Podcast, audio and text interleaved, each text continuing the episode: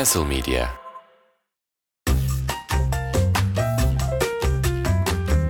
Spor Kulübü Müzikten reklama, sinemadan çizgi romana kadar sporun popüler kültürle kesişen yolculuğunda Spor Kulübü üyelerini ağırlıyor. Hazırlayan ve sunan Tuğçe Özdenoğlu.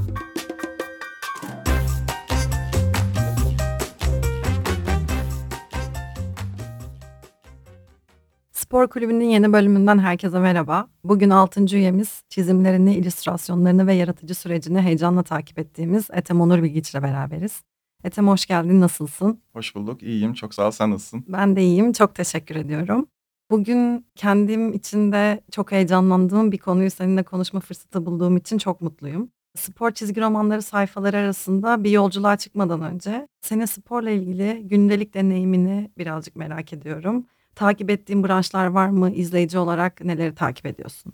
İyi bir futbol izleyicisiyim diyebilirim. Yeri geldiğinde de basketbol izlemeyi seviyorum. Kardeşim beni alıp maça götürürse. Ee, onun dışında biraz tenis severim. Hatta oynamayı ve başlamak istiyorum ama bunu sürekli ertelediğim bir plan oldu bu. Belki buradan sonra başlarsın. ya umarım artık bu yaz başlar.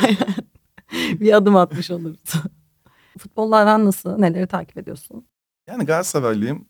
Takip etmeye çalışıyorum Türkiye Ligi'ni. Onun İng- İngiltere Ligi'ni takip etmeye çalışıyorum.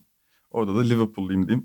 Evet şey e, ben de Fenerbahçeli ve Manchester City'liyim çok, Çok iyi iyi. denk geldik. Hadi iyi oldu baya. Bu kadar hani tezat düşebilirdik. Alemin bir kısmı Fenerbahçeli olduğu için öyle bir şeyim yok benim ya hiçbir takıma. O zaman ben birazcık bugünkü buluşma nedenimize gelmek istiyorum. İlk başta merak ettiğim şey e, şöyle. Türkiye'de spor dergiciliğinde hem içerik olarak hem de e, görsel tarz olarak e, Sokrates yenilikçi bir bakış açısı sundu. Sen de uzun yıllar boyunca Sokrates'in hem duvarlarımıza poster olan o harika çizimlerini hem de dergi içi çizimlerine katkıda bulundun. Bu süreç nasıl oldu? Bu oluşum nasıl başladı? Bu briefler nasıldı? Bunları merak ediyorum ve oradaki aslında yaratıcı sürecinin nasıl ilerlediğini merak ediyorum. Yani çok yıl oldu galiba. 8 sene önce mi başladı Sokrates? 94 sayı çıktı galiba.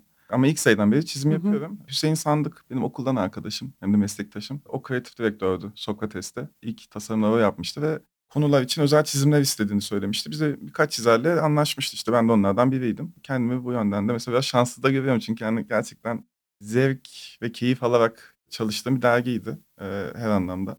Hem çalışanlar olsun hem içerik anlamında olsun. Benim için çok güzel bir deneyimdi ya. Sporcu ve sporcu hikayeleri çizmek diğer çizdiğin deneyimlerden daha mı farklı?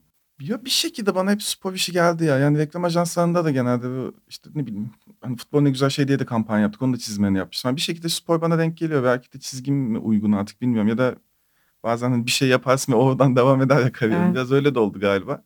O yüzden hani çok zorlanmıyorum spor çizmeyi yaparken. Hatta bayağı da keyif alıyorum. Zaten bir aksiyonlu bir figür, aksiyonlu bir sahne oluyor.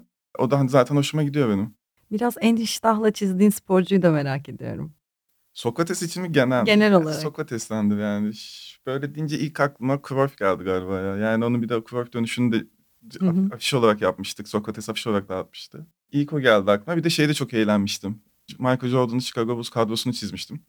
Onda da bayağı bir keyif alarak yapmıştım. Bir de böyle deyince Liverpool'da ve sok olarak. Liverpool'un efsanelerini çizmiştim. Genel afiş olarak. Bunlar böyle ilk hani aklıma gelip abi bak yani içime de sinen işlerdi. Chicago Bulls'taki Dennis Rodman çizimini aşırı aşırı seviyorum. Ha, süper. Benim evimin girişinde de senin Sokrates'e çizdiğin Alexa Souza asılı. Ha. Onu da bayağı seviyorum. Alex'i iki kere falan çizdim ya. Böyle E, bir tane böyle Rövaşat atan mı? rövaşata atan değil.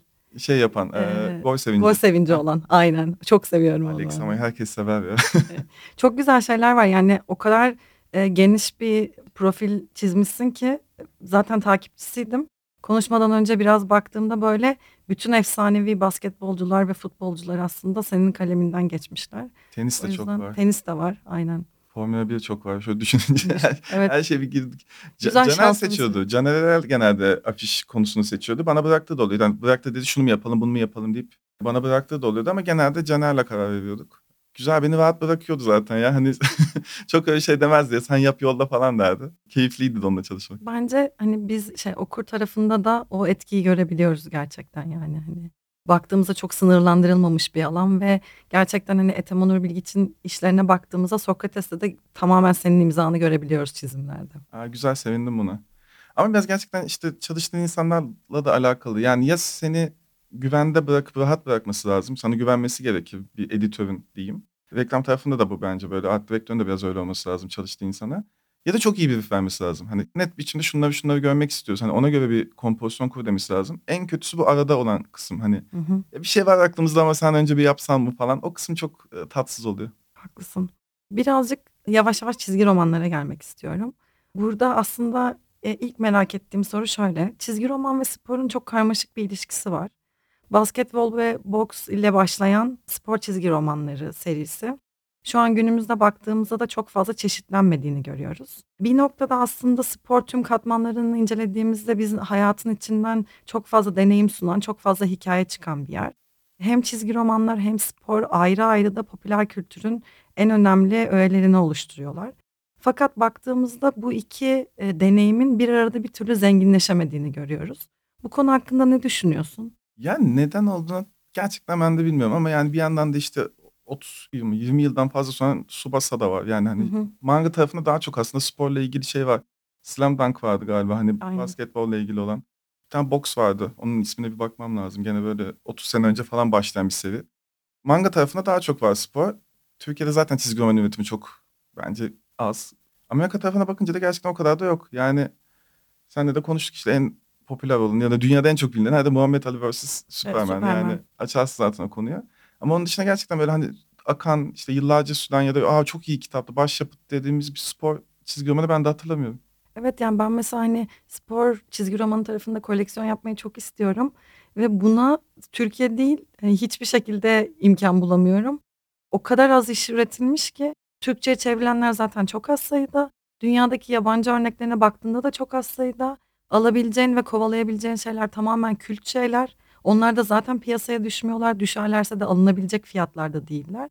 Oradaki eksikliği çok ciddi anlamda yaşıyorum. Hani hem çizgi roman hem grafik romanlar tarafından. Ya o evet ben de çok işin içinden çıkamıyorum. Çünkü bu kadar izleyicisi olan sporlar var. Yani illa hani Avrupa için de demeyelim yani çok iyi bir beyzbol çizgi romanı da hatırlamıyorum hani. Hı hı. Bilmiyorum yani üretimin zor olduğunu da düşünmüyorum. Şey anlamda diyorum. Hikayesel olarak evet yani orada da gene bir hero journey var yani sonuçta hani çıkartabilirsin. Ama az yani daha çok gerçek hayat hikayelerinin çizgi romanlaştırmış halleri var. Bunlar da gene zaten Avrupalı çizerlerin yaptığı işler. Ve genelde de hep e, star sporcuların olduğu işler yine dediğimiz gibi Muhammed Ali, Michael Jordan falan onları görüyoruz genel olarak orada. Evet yani şey değilim tabii şimdi. Geldim böyle ahkam kesiyor gibi de olmuyorum. Çok böyle çizgi roman gurusu da değilimdir galiba şey anlamda diyorum. Yani her şeyi de bilmem ama hani böyle popüler olan çoğu şeyi takip etmişimdir ya da çok hani iyi bir hikayesi varsa da bir şekilde bulmaya çalışırım. Az ama yani. Şey de merak ediyorum. Mesela sen bir çizgi roman hikayesi kapağı oluşturacak olsan Türkiye'den ya da uluslararası spor dünyasından hangi spor olayını, organizasyonu ya da bir sporcunun biyografisini seçerdin? Yani Ethem Onur Bilgiç olarak neye imza atmak isterdin bir spor çizgi romanında? Sporsa Hacı olabilir, Prekazi olabilir, Metin Kurt olabilir. Hani daha böyle siyasi bir altyapısı da olsun. Hani Hı bir ya da bir dönüşüm, bir ülkenin dönüşüm dönemi de olsun. Hani işte Yugoslavya'nın, Romanya'nın ya da Türkiye'nin. Hani bunlar sadece spor spor ya da spor başarısı gibi değil de daha bir arka planda da bir şeyler iz- izlesin isterim. İlk aklıma bunlar geldi. Spor olayı da Yunanistan şampiyonluğu falan olabilir yani Avrupa şampiyonu. Hani böyle gene hiç beklenmedik bir şeyin gerçekten sona gitmesi. Hani Türkiye'nin tabii ki de dünya üçüncüsü olması da çok büyük olay ama hani sona gitmedi ya. Böyle sona gitmiş bir şey hikayesi, başarı hikayesi. Yani beklenmedik bir başarı hikayesini yapmak isterdim. Daha underdog bir yerden bakmak E, istiyorsun. tabii yani yoksa zaten Brezilya'nın, Arjantin'in şampiyon olması o kadar beni kimseyi şaşırtmıyor yani. Çok haklısın. Ama bence mesela senden bir rengarenk Deniz Rodman işi görmek de çok güzel Aa, olur. o da olur. Çok magazinsel bir film. Evet. Yani her anlamda. e, O da mesela eğlenceli olur. Birazcık şeylere geçmek istiyorum burada. Biraz önce de bahsettiğimiz gibi çok az örneği var zaten. Buradaki birkaç tane kült çizgi romanı da konuşmak isterim. Mesela benim favorilerimden ve her zaman almak için kovaladığım ama hiçbir zaman bunu yapamayacağımı düşündüğüm Superman vs. Muhammed Ali. şey gibi değil mi? Ben de yani hiç alıp okuyamadığım bir şey yani. Evet ve şey böyle sadece e, Google'dan cover artlarına bakarak böyle onların çıktısını alıp duvara asmayı falan düşünüyorum. Çok ilginç iş ama değil mi? Yani Muhammed Ali'nin ya Muhammed Ali'nin de bu arada zaten var çizgi romanları da var. İşte hani gerçek hayatını anlatan bir sürü eser de var ama Superman'le karşı karşıya getirmek gerçekten hani çok bana garip ve çok büyük bir olay gibi geliyor. Zaten döneminde de yani 1978'de DC Comics tarafından çıkarıldığında herkesin yorumu bu şaka gibi bir şey diye yol almışlar ve yavaş yavaş zaman geçtikçe üzerinden inanılmaz çılgın bir eser olduğu ortaya çıktı ve Ama şey gibi de işte hani Superman'in uçtuğuna inanıyorsun da Evet. Muhammed Ali ile dövüştüğüne mi inanmıyorsun gibi. e, bir de şey de çok komik bence birlikte uzaylılara karşı savaşıyor Ya- olmaları da ilginç bir bakış açısı. Ya ama gerçekten bir süper kahraman gibi de olmuşlardı Muhammed Ali. Yani hem siyasi anlamda hem duruşuyla. Hem de gerçekten başarısıyla yani kaybetmiş de kaybetmeyi de görmüş. Oradan yeniden çıkmış ve en son zirvede bırakabilmiş falan. Hani hayat hikayesi de zaten bence bir süper kahraman olabilecek bir hayat hikayesi. Sonrasında Mattel veya NECA ikisinden biri e, bunun figürlerini de yaptılar. İkisinin yani e, şey galiba, çizgi roman gördüm. kapağının. E, o da tatlı bir işte. Beni bu çizgi romanla ilgili etkileyen en önemli şey şu oldu. Tarih boyunca Süpermen'in güçlerinin sınırlandırıldığı tek hikaye olmuş. Muhammed Ali ile eşitlemek için Süpermen'in güçlerini daha düşük göstermişler. Superman'in güçleri zaten zamanla da değişmiş aslında. İlk baş mesela zıplıyor. Ee, sonra onun animasyon yapmak istediklerinde Hı hı. belki biliyorsundur. Zıplaması çok zor bir animasyon hareketi olduğu için uçsun buna dönüyor falan. Hani biraz böyle zamanla zaten değişmiş bir kahraman. Ama tabii Muhammed Ali'nin karşısına gelince de değişiyor olması güzel, enteresan hikaye. Evet yani orada mesela beni şey çok etkiliyor. Hani Süpermen'in gerçekten e, tarihe bırakılan sayfalar arasında Muhammed Ali ile eşitlenmiş bir güçte görmek e, çok eğlenceli ve komik geliyor. Yani normal şartlarda Superman'i zaten ya Batman yener ya Muhammed Muhammed Ali yener. çok iyi bir cümle oldu bence bu. Bir diğer örneği de eski işlere baktığımızda yani en uzun çizgi roman, spor çizgi romanı serisi olmayı başarabilmiş işlerden biri. Harvey Comics'in Babe Ruth Sports olarak beyzbol tarihinin en büyük oyuncusu Babe'in hayatını anlattığı e, sanıyorum 11 bölümlük bir hikaye. Hatta sonrasında Mad Magazine ve Action Comics'te de yayınlamışlar bittikten sonra birçok bölümünü. Bu mesela hani o dönemde hep boks ve basketbol görürken arada çizgi romanda hayata tutunabilmiş nadir eserlerden biri olmuş. Ama Amerika'da zaten beyzbol sadece Amerika'da ve Japonya'da izlenen bir spor olduğu için ve bence aşırı sıkıcı bir spor olduğu için iyi bile çıkmış 11 sayı yani.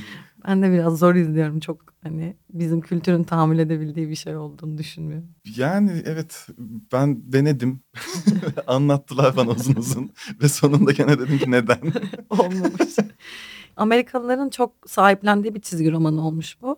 Hatta hala şu an şey böyle deli gibi kovalanan Babe Ruth kapakları var şeyde. E, Ha, tabii ama artık şeye düşmüştü o zaten ya.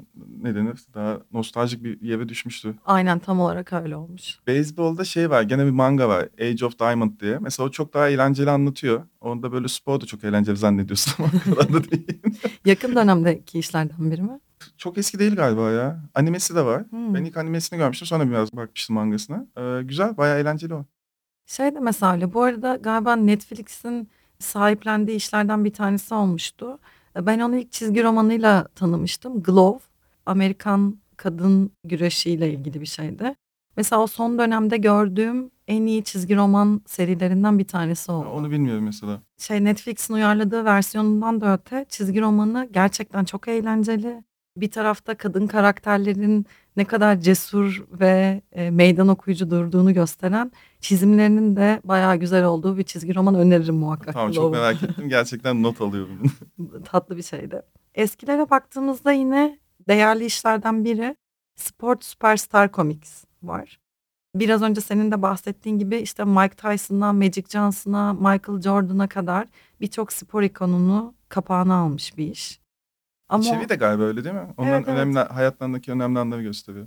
ama içlerine birazcık baktığımızda şey görüyorsun. Hani kapağı için alınan çizgi romanlar var ya. Koleksiyon. Aynen. Bu seri de öyle kalmış ve dönüp dolaşıp yine aynı yere geliyoruz. Neden spor çizgi romanı yok? Gerçekten bilmiyorum. Belki de ne bileyim yazarlar mı acaba o kadar sporla iç içe geçemiyorlar? Bilmiyorum. Çizerler mi geçemiyorlar bilemedim. Ee, senden bunu artık rica ediyoruz Türkiye adına bir tane spor çizgi romanı. Çizer şey misin? yapıyorduk. Çizgi roman değildi tabii ama Sokrates'in birkaç posterini ben şey gibi çizmiştim. Çizgi roman gibi böyle bir o çok işte Messi'nin mesela Evet, herkes hatırlıyorum. attığı gol anı ya da işte Ronaldo'nun Juventus'a galiba Rovaşatasını falan hani önemli anları böyle çizgi roman gibi yapmıştık. Sevilmişti de aslında yani o tip hani anan çok güzel oluyor ama hani akıcı bir hikaye tabii oluşturmak ve onu gerçek hayata da adapte etmek falan biraz şey. Son zamanda aslında senin bahsettiğin şeyleri birazcık dijitalleşmeyle birlikte NBA'de sıkça görmeye başladık. Özellikle transfer, futbolda da NBA'de de draft sezonlarında, transfer dönemlerinde sporcuları bir karikatürize etmek veya çizgileştirerek vermek gibi bir e, noktaya ilerlemeye başladı.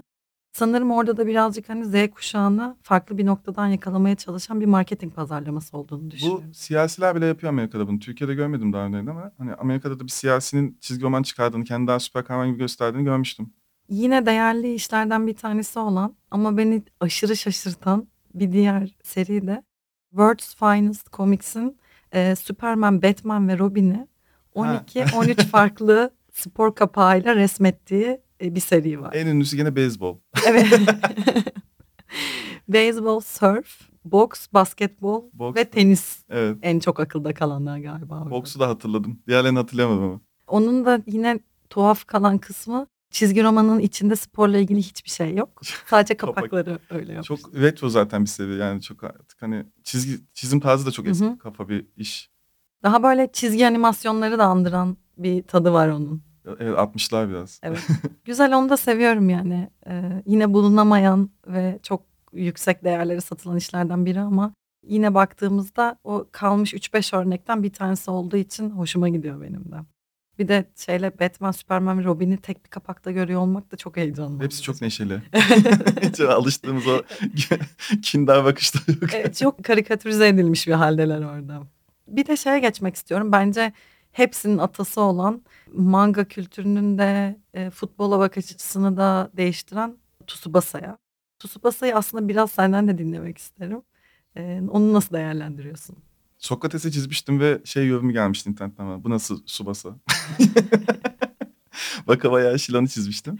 Ee, ya ben 86 doğumluyum ve benim jenerasyonda herhalde izlemeyen kimse yoktu ya. Hepimiz böyle işte okuldan çıkıp ben koşu koşu onu izlemeye giderdim.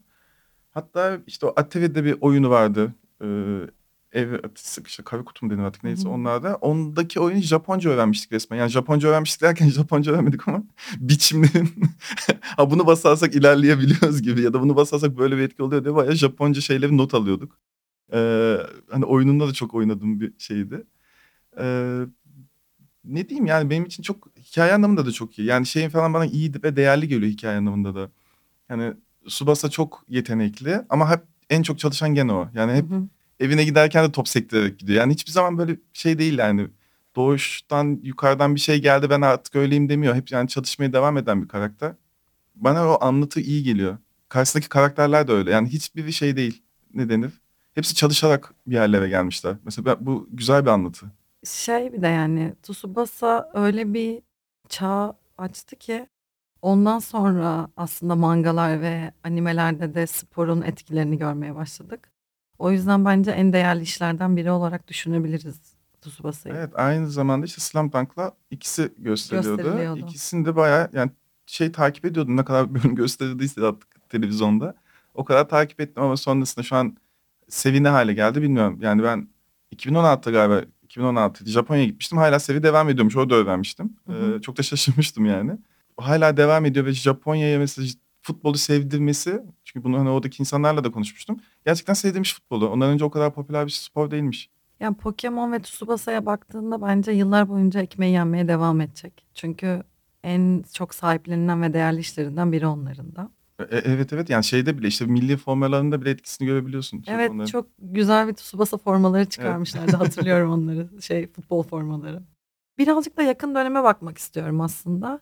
Yakın döneme baktığımızda Türkçe çevirilerinde gördüğümüz e, Reinhard Kleist'in çizgi romanları var. Slice çok iyi zaten. Bütün çizgi roman yani hepsi değil de gerçek hayattan bir karakter alması ve gerçekten aykırı tırnak için aykırı diyeceğim bir karakter alıp çok iyi anlatması ve çok iyi bir çizgide göstermesi benim, bana çok değerli geliyor. Olimpiyat Rüyası'nda Samiye Yusuf Omar'ın e, mülteci zorluklarıyla birlikte aşılması gereken engellerini ve oradaki olimpiyat sürecine olan hazırlık sürecini anlatıyordu.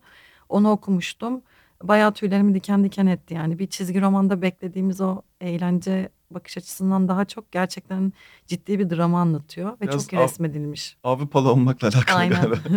Doğru söylüyorsun. Çok haklısın. Boksörü okumadım ama onu da bayağı Çok iyi. merak O da ediyorum. Nazi döneminde geçiyor. Toplama kampındaki bir boksör işte Nazi subaylarını eğlendirmek için hayatta kalmaya çalışıyor ve sonrasında devam ediyor boksa falan.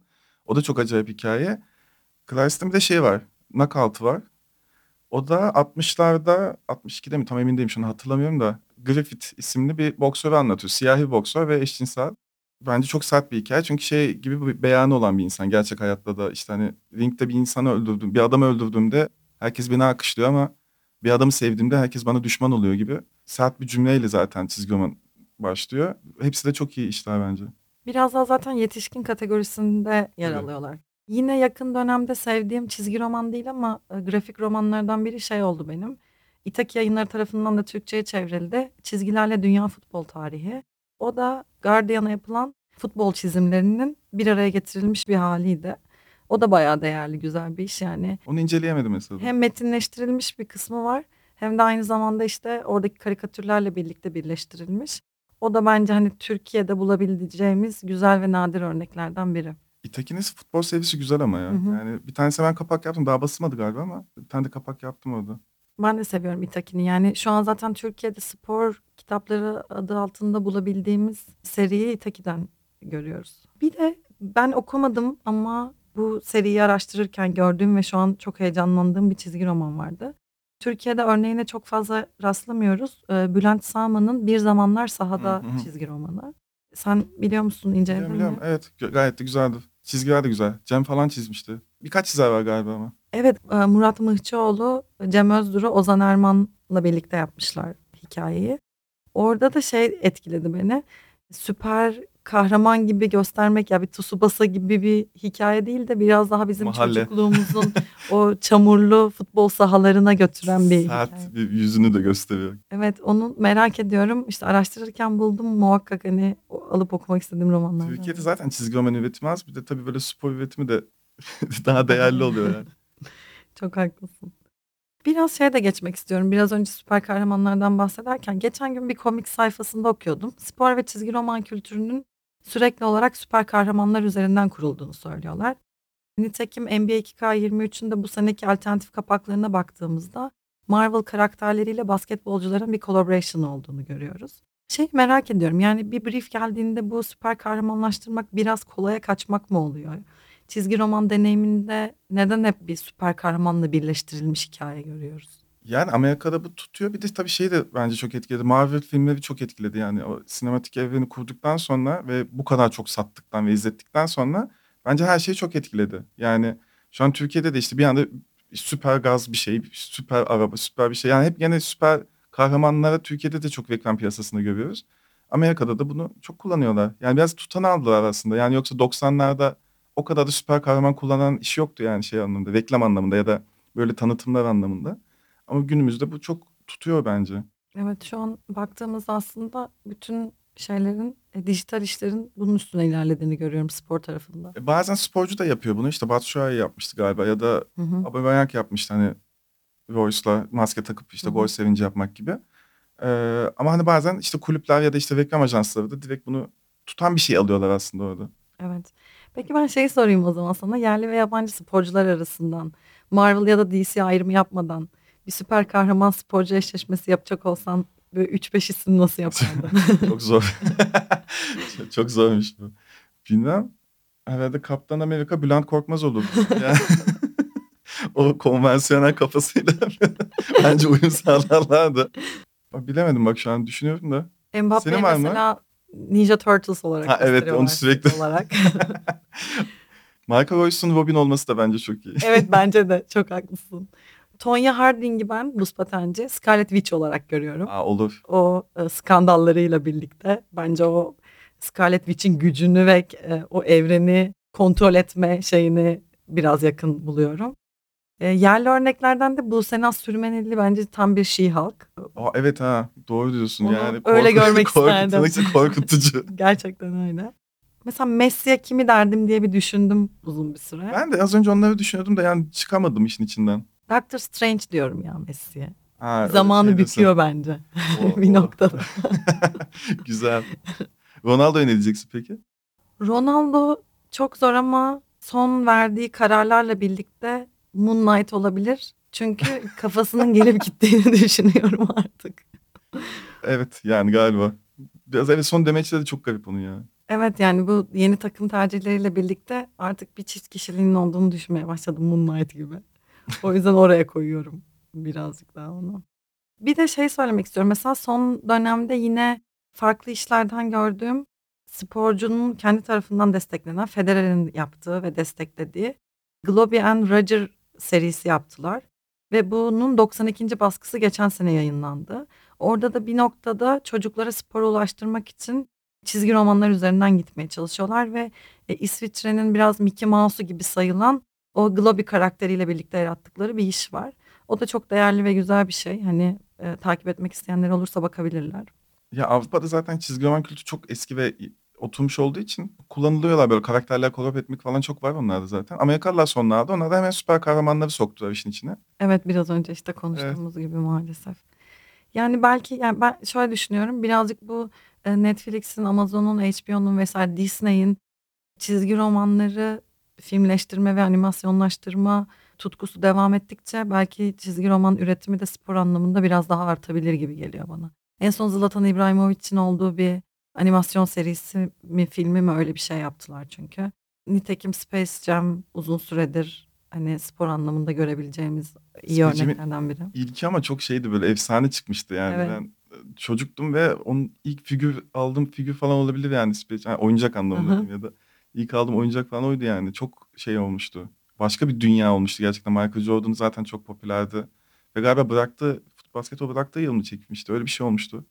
Çok e, enteresan olmuştu yani. Çok büyük patlama olmuştu. Şimdi LeBron James'le olan versiyonu pek öyle değil ya. Biraz İşte çağ değişti çünkü. Yani onu da atlıyorum. Mesela şu an süper kahraman kullanmak da bence o kadar pop, yani çok popüler, çok görüyoruz ama o kadar etkiliyor mu emin değilim mesela. evet ben de o yüzden mesela biraz önce bahsettiğimiz gibi senin de söylediğin hikayesinin derinliği olan birazcık gerçek hayatla birleşen veya bir şekilde çatışması olan şeyleri okumayı daha çok seviyorum spor tarafında da. Ben genel anlamda şey utanarak söylüyorum ben. Şeyi gerçekten bıraktım ama ya bu ana akım diyeyim yani o süper kahraman kısmını biraz bıraktım çizgi romana. Daha ne denir grafik roman, daha Avrupa çizgi romanları gibi yerlere geçtim. Ya o daha tek kitap anlatsın bana bir öyküyü ve bıraksın gibi oldum ben. Ama mesela şeylerden de bir dün kendi kendime düşündüm hangi çizerlerden Avrupa'dan ve Amerika'dan spor çizgi romanları görmek isterdim diye. Mesela Dave McKee'nin bir çizgi yani spor çizgi romanı yaratsa muhteşem olabilir. Çünkü o sürrealist bakış Çok- açısıyla görmeyi çok isterim. Çok garip olur. Demek ki bir de İngiliz yani çok garip şeyler. Premier Lig Evet e, yani hani çok enteresan görebiliriz. Çok belki. beyin yakan. E, ya da şey de öyle mesela yine biraz önce seninle konuşmadan önce şeyden podcast'tan önce bahsettiğimiz gibi James Jean'den de bir spor Çok güzel olurdu o da ya. Böyle çok sakin bir çizim yapardı bence. tertemiz. Eşli çok güzel yapabilir bence. Çok Evet, evet. aksiyonlu ve şiddetli yapabilir yani. Bir de gerçekten fanı olduğum için bir Alex Rose'dan da bir şey görmek isterdim. Alex Ross keşke şey yapsa işte gene Muhammed Ali vs. Superman, gibi. Kingdom Come gibi böyle bir küçük seviye yapsa keşke. Kim olabilirdi acaba şu an bir süper kahramanla birini savaştırsak, savaştıracak olsak diye düşünüyorum. James. o da komik ya da şey UFC'den bir isim belki komik olabilir ya. Onu bilmiyorum o kadar. O, orada da bayağı hani Muhammed Ali tadında ilginç bir şey çıkabilir. Muhammed Ali gibi figür yok ama şu an sanki ya. Yani hani Yok. siyasi anlamda da çok arkasında başka bir kitle olduğu için hani o da işte zamanla alakalı. Biraz dünyanın durumuyla da alakalı. Yani UFC'de belki şey olabilir. Habib yenilmez olduğu için hani onun yenilmezliğiyle birlikte bir süper kahraman birleştirebiliriz ama tabii ki de hiçbiri bir Muhammed Ali efektini hiçbir zaman sağlayamaz. Tabii yani hem medya hem işte ne denir magazin kısmı yok yani hiçbirinde. Bir de şeyde not almışım. Adam Hughes'un da inanılmaz güzel kadın karakterleri çiziyor. Yine süper kahraman evreninden. Orada da bir güzel e, kadın sporcu bir Serena Williams'ı falan görmek isterdim. Güzel olurdu. Şey de güzel olurdu. Nadia Comaneci. Evet Nadia Kom- mesela evet Nadia Comaneci'nin bir çizgi serisi bir grafik romanının olmaması çok üzücü. Böyle çok fazla isim var düşündüğümüzde. Çok. Yani böyle hani tartışsak gerçekten herkes... Herkes Çünkü böyle hani bir de özel hikayesi olan çok sporcu var aslında yani. Ya Zlatan da çok garip bir adam. Hani onun da hayat öyküsü çok enteresan. Sırf bu son dönem yaptığı ya da sporculuğundaki davranışların dışında başlangıcı da çok enteresan. Ondan da güzel hikaye çıkar. Senden şeyleri merak ediyorum. Son dönemde incelediğin, bize önerebileceğin hem çizgi romanlar hem grafik romanlar, animasyonlar vesaire gibi hani senin ilgini çeken işler neler var? Spor üzerinde değil genel olarak da merak ediyorum. Yani şey spor üzerinde Klasit'in hatta Klasit'in bütün çizgi romanları bence güzel. Ee, Hı hı. Nick Cave de çok iyi. Hani hem çizgi anlamında hem hikaye anlamında çok öneririm. Onun dışında şu an şeye geri döndüm ben. Yalnız Kurt ve Yavrusuna o seviyeyi bitirmeye çalışıyorum. Bir manga ama yani herkesin okuyabileceği yani çok böyle manga manga da değil. Ee, çok öneririm o seviyede. Onun dışında şu an bilemedim başka. Aklıma gelirse söyleyeyim. Ben sana e, muhakkak Glove'u öneriyorum Ha, gerçekten. ona bakacağım. Evet ona not E, aldım. çünkü hani çok farklı bir iş bir de kadınlarla ilgili cesur hikayeler çok fazla çıkmadığı için hem o cesareti hem o renkliliği bayağı beni içine almıştı. Sonrasında seriyle ilgili çok bir şey söylemek istemiyorum. Çünkü genel olarak çizgi romanların seride yani film ve animasyon anlamında ya da dizi anlamında serileştirilmesi çok güzel olmuyor. Umbrella Academy benim için çok büyük bir hayal kırıklığı Evet olmuştu ya o mesela. olmadı. Ve çizgi romanı çok iyi onun da. Evet ben en sevdiğim çizgi romanlardan biriydi ve çok tatsızdı. Süper kahraman işi için mesela Invincible en iyisi bence oydu son dönemde izlediğim. Hem çizgi anlamında hem hikaye anlamında. Bence de öyle. Ben de Yeni onu. sezonu gelse de Tam, dün baktım ya yeni sezon ne zaman gelecek acaba?